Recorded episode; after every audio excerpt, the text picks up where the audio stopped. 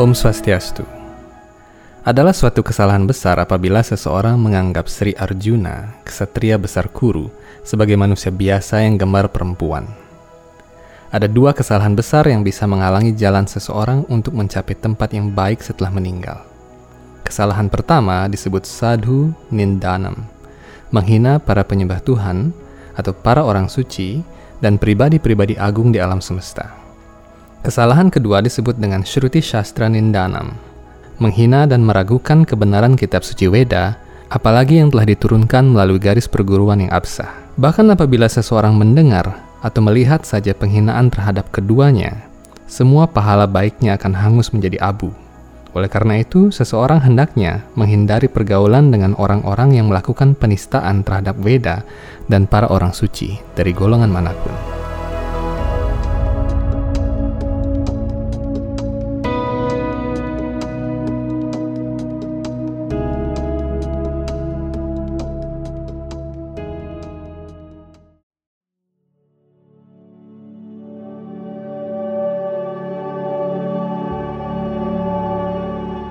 Dalam sejarah Weda, perbedaan antara tindakan manusia biasa dan orang-orang yang diperintah secara langsung oleh Tuhan atau para utusannya yang murni terlihat nyata.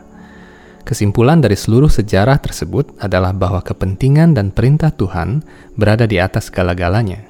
Tatkala Ibu Drupadi melangsungkan pernikahan dengan kelima Pandawa, pernikahan tersebut adalah atas restu dan perintah Tuhan Sri Krishna.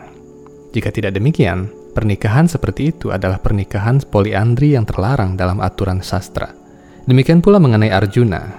Alasan dibalik pernikahannya dengan banyak gadis kesatria dari berbagai penjuru Baratawarsa adalah atas taktik yang diamanatkan oleh Tuhan sendiri. Dalam video ini, semua taktik cemerlang tersebut akan dibahas.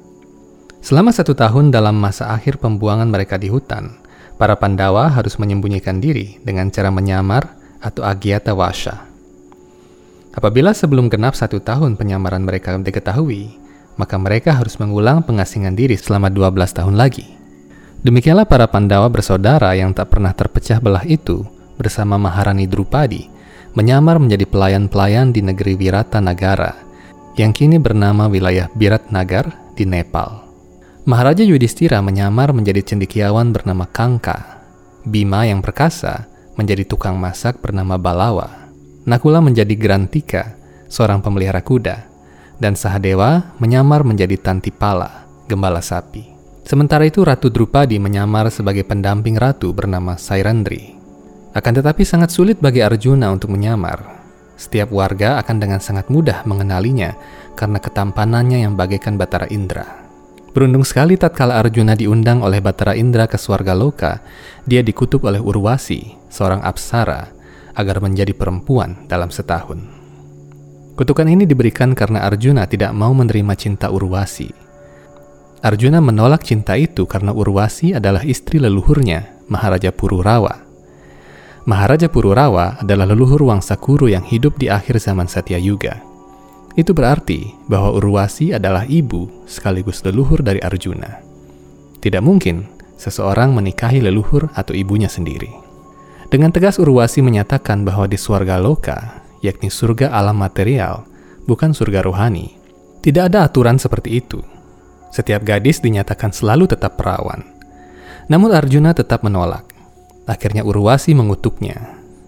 Batara Indra menawar kutukan itu agar terjadi dalam periode satu tahun tatkala Pandawa berada dalam masa pengasingan di hutan. Dengan demikian, Arjuna berubah menjadi seorang banci dengan nama Brihanala Selama setahun, dia mengajarkan Putri Utara seni tari dan musik yang dipelajarinya dari Citra Rata di Loka. Setelah masa pengasingan berakhir, Raja Wirata memberikan Utara kepada Arjuna yang lalu dinikahkan dengan Abhimanyu, putranya. Hasil pernikahannya dengan Putri Subadra dari negeri Dwaraka. Dalam kitab suci Weda Mahabharata, Wirata Parwa bab 39, dinyatakan bahwa untuk membuktikan bahwa dirinya adalah Arjuna kepada Pangeran Wirata, Arjuna menyebutkan sepuluh namanya, yakni Arjuna, Kauntea, Savyasachi, Shwetawahana, Palguna, Jishnu, Kiritin, Wibhatsu, Wijaya, Dananjaya, dan Krishna. Tatkala Arjuna mengucapkan makna sepuluh nama ini, barulah Pangeran Wirata meyakini bahwa beliau benar-benar Arjuna. Tuhan Sri Krishna bersabda dalam Weda Bhagavad Gita, bab 10 ayat 37.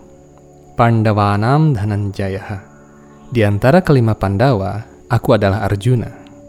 Dengan demikian dapat kita simpulkan bahwa Arjuna bukanlah orang biasa. Beliau adalah orang suci yang senantiasa bersama Tuhan. Tentu saja, orang-orang yang melakukan kegiatan bersama Tuhan bukanlah makhluk hidup biasa. Mereka adalah pribadi-pribadi agung yang patut dipuja dan dihormati, layaknya seorang memberikan sembah sujud kepada Tuhan. Dengan menghormati para penyembah Tuhan yang agung, maka Tuhan akan merasa lebih berkenan. Pada zaman Mahabharata, tatkala golongan kesatria dan brahmana mendominasi dunia, hubungan kekerabatan menjadi faktor penentu yang paling erat dalam aliansi antar kerajaan. Beberapa raja yang salah di masa lalu seperti Vasudeva, Dasaratha, dan Pandu mengambil istri lebih dari satu bukanlah atas dasar nafsu belaka, namun karena tugasnya sebagai penguasa dunia. Hubungan keluarga menjadi alasan utama bagi setiap kerajaan untuk menjadi sekutu. Itulah sebabnya, menjelang peperangan Mahadasyat di Kuruksetra, baik keluarga Pandawa dan Kaurawa bersama-sama mencari aliansi dan mengumpulkan kekuatan dengan cara menjalin hubungan kekeluargaan. Atas dasar pertimbangan itu, Tuhan Sri Krishna membuat skenario secara diam-diam dengan kekuatan rohani yoga mayanya. Pada suatu ketika, dalam masa-masa tenang di Indraprasta, ibu kota kerajaan Pandawa, Dewa Resi Narada, resi yang terbaik di kalangan para dewa, datang berkunjung ke istana Maharaja Yudhistira. Maharaja bersama keempat saudaranya menyambut Resi Agung Putra Batara Brahma itu dengan rendah hati dan mencuci kaki Padmanya. Dewa Resi Narada kemudian menyatakan bahwa agar rumah tangga para Pandawa berjalan harmonis, maka masing-masing Pandawa hendaknya bergantian bersama Drupadi selama setahun penuh. Jika Drupadi sedang bersama salah satu Pandawa, maka yang lainnya tidak boleh mengganggu. Apabila ini dilanggar, maka dia harus menerima sanksi melakukan perjalanan suci selama satu tahun. Nasihat itu pun diterima dan dilaksanakan. Suatu ketika di tahun pertama, seorang Brahmana datang ke istana dan mendekati Arjuna. Ia berkata, Wahai putra Kunti, tolonglah saya. Sapi-sapi saya dicuri oleh Taksaka. Perlu kita ketahui bahwa Taksaka adalah seekor ular yang dapat terbang di angkasa. Ia dapat mengeluarkan bisa berupa api yang sangat panas dan berbahaya. Dari ayat-ayat kitab suci Weda dapat dilihat bahwa bangsa ular sangat gemar mencuri sapi. Nun jauh di zaman lampau, bangsa ular Kalakea mencuri sapi yadnya milik Batara Indra. Akibat perbuatan itu, para Kalakea harus menanggung kutukan dan kerugian yang mengerikan. Kalakea tampaknya menjadi residivis pencuri sapi hingga zaman modern ini. Banyak kasus di belahan dunia barat di mana sapi-sapi lenyap pada malam hari ditarik oleh benda-benda terbang tak dikenal. Keesokan harinya, sapi-sapi itu ditemukan mati tanpa darah dan organ dalam. Kasus ini menghebohkan Amerika Utara pada tahun 1970-an. Menurut saksi mata, pelakunya adalah makhluk-makhluk bersisik dan bermata seperti ular yang tinggi besar dan terbang di angkasa dengan pesawat yang bentuknya aneh. Arjuna sebagai seorang kesatria yang wajib melindungi kesejahteraan para Brahmana, segera mengambil senjata busur Gandiwanya. Malang sekali, senjata itu tertinggal di bilik Maharaja Yudhistira Kebetulan pada saat itu Maharaja Yudhistira sedang bersama Maharani Drupa di dalam bilik pribadi mereka.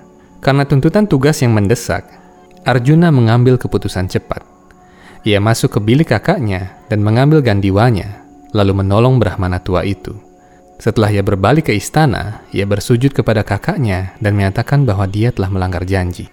Maharaja Yudhistira tidak mempersoalkan hal itu dan menganggap bahwa itu adalah suatu hal yang darurat. Akan tetapi Arjuna benar-benar seorang kesatria. Dengan integritas yang tinggi, ia secara sukarela menerima sanksi dengan melakukan tirtayatra berkeliling Baratawarsa selama satu tahun. Siapa sangka, tirtayatra Arjuna ini adalah hal yang mujur dan menentukan nasib para Pandawa di medan perang Kuruksetra.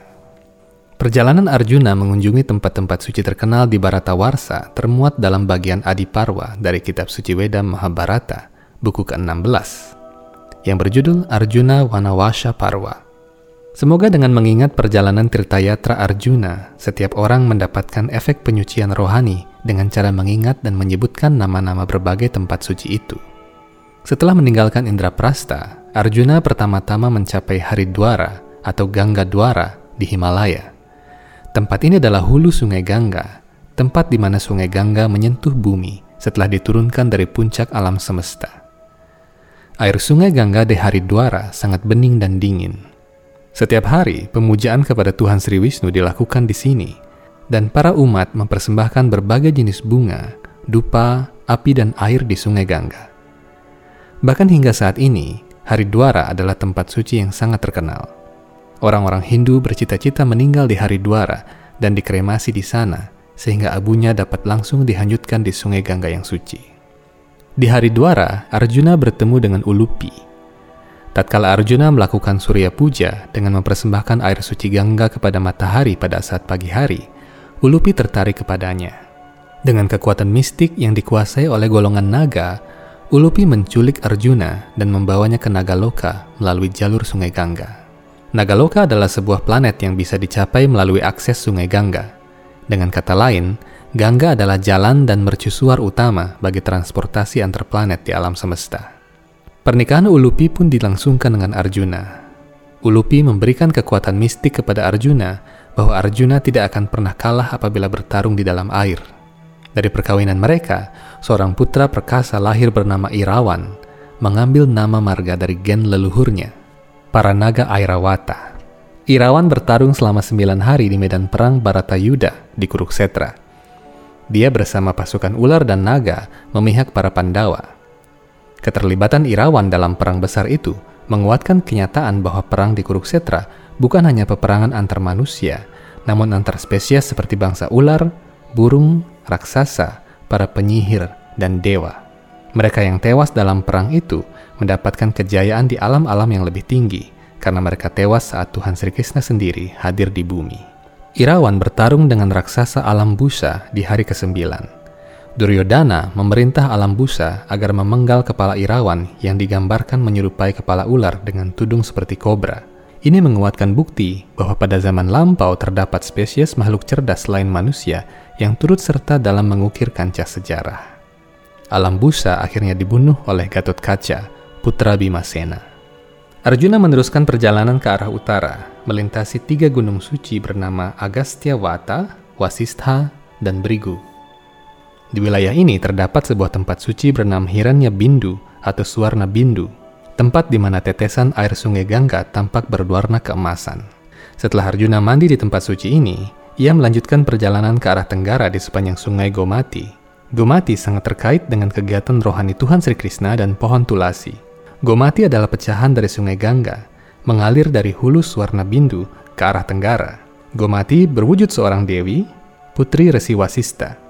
Siapa pun yang mandi di sungai suci ini pada hari Ekadasi akan dibebaskan dari segala jenis dosa. Peradaban Weda tak bisa dilepaskan dari danau, sungai, dan hutan. Ada banyak danau suci dan hutan suci yang disebutkan dalam Weda, yang bahkan masih ada hingga kini. Hutan suci Naimisa atau Naimisa Ranya adalah salah satunya. Tatkala Batara Brahma melakukan meditasi pada awal penciptaan, beliau diberikan pandangan rohani oleh Tuhan Sri Krishna. Beliau dapat melihat putaran kala cakra atau roda waktu semesta yang berporos di hutan Naimisharanya. Apabila seseorang melakukan korban suci dan pengucapan nama suci Tuhan di hutan ini, maka efeknya akan menyebabkan kekuatan orang-orang jahat di bumi berkurang.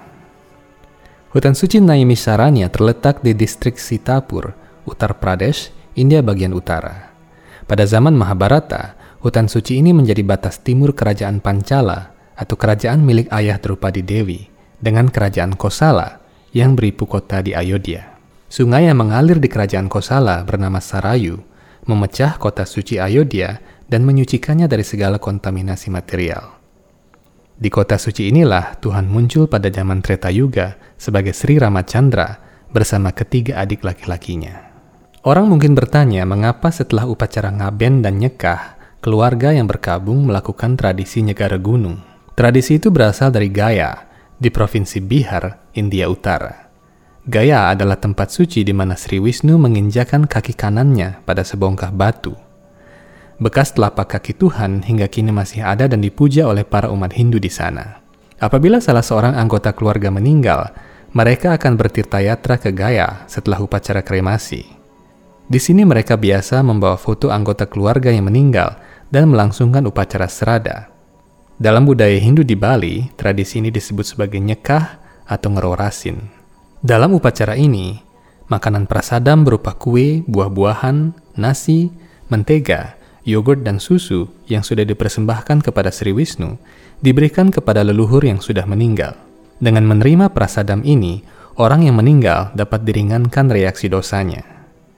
Kemudian, prosesi terakhir adalah dengan melakukan mandi suci di Sungai Gangga, danau atau di laut terdekat. Setelah melewati hutan suci Naimisaranya, Sungai Gomati mengalir di antara Sungai Gangga dan Sarayu.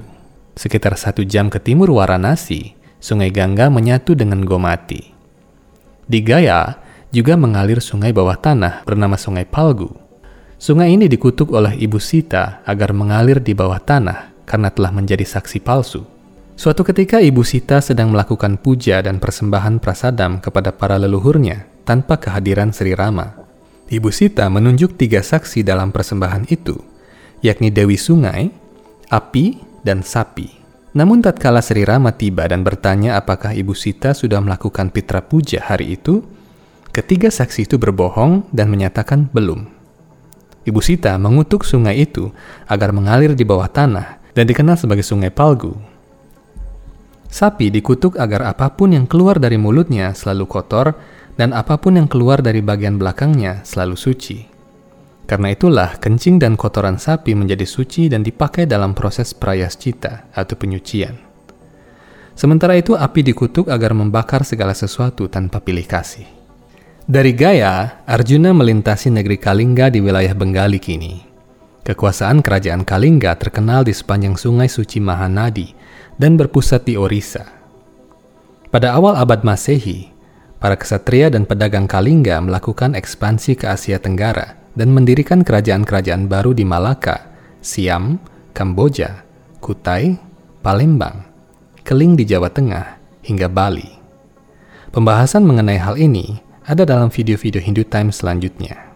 Arjuna mencapai negeri Manipur, sebuah distrik paling timur India berbatasan dengan Bhutan di utara dan Bangladesh di selatan. Pada zaman dua para yuga, negeri ini diperintah oleh Yang Mulia Citrawahana. Beliau memiliki seorang putri bernama Citranggada.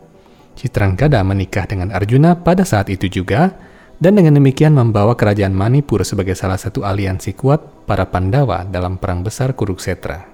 Manipur saat itu menganut sistem garis keturunan dari pihak ibu, sehingga putra Arjuna dan Citranggada tetap berada di Manipur sebagai penerus tahta. Putra bernama Babruwahana itu suatu ketika berhasil melukai dan membunuh Arjuna dalam peperangan di Manipur namun Ulupi menghidupkan kembali Arjuna dengan teknik Merita Sanjiwani, sebuah ilmu menghidupkan orang mati yang dikuasai oleh bangsa ular dan naga.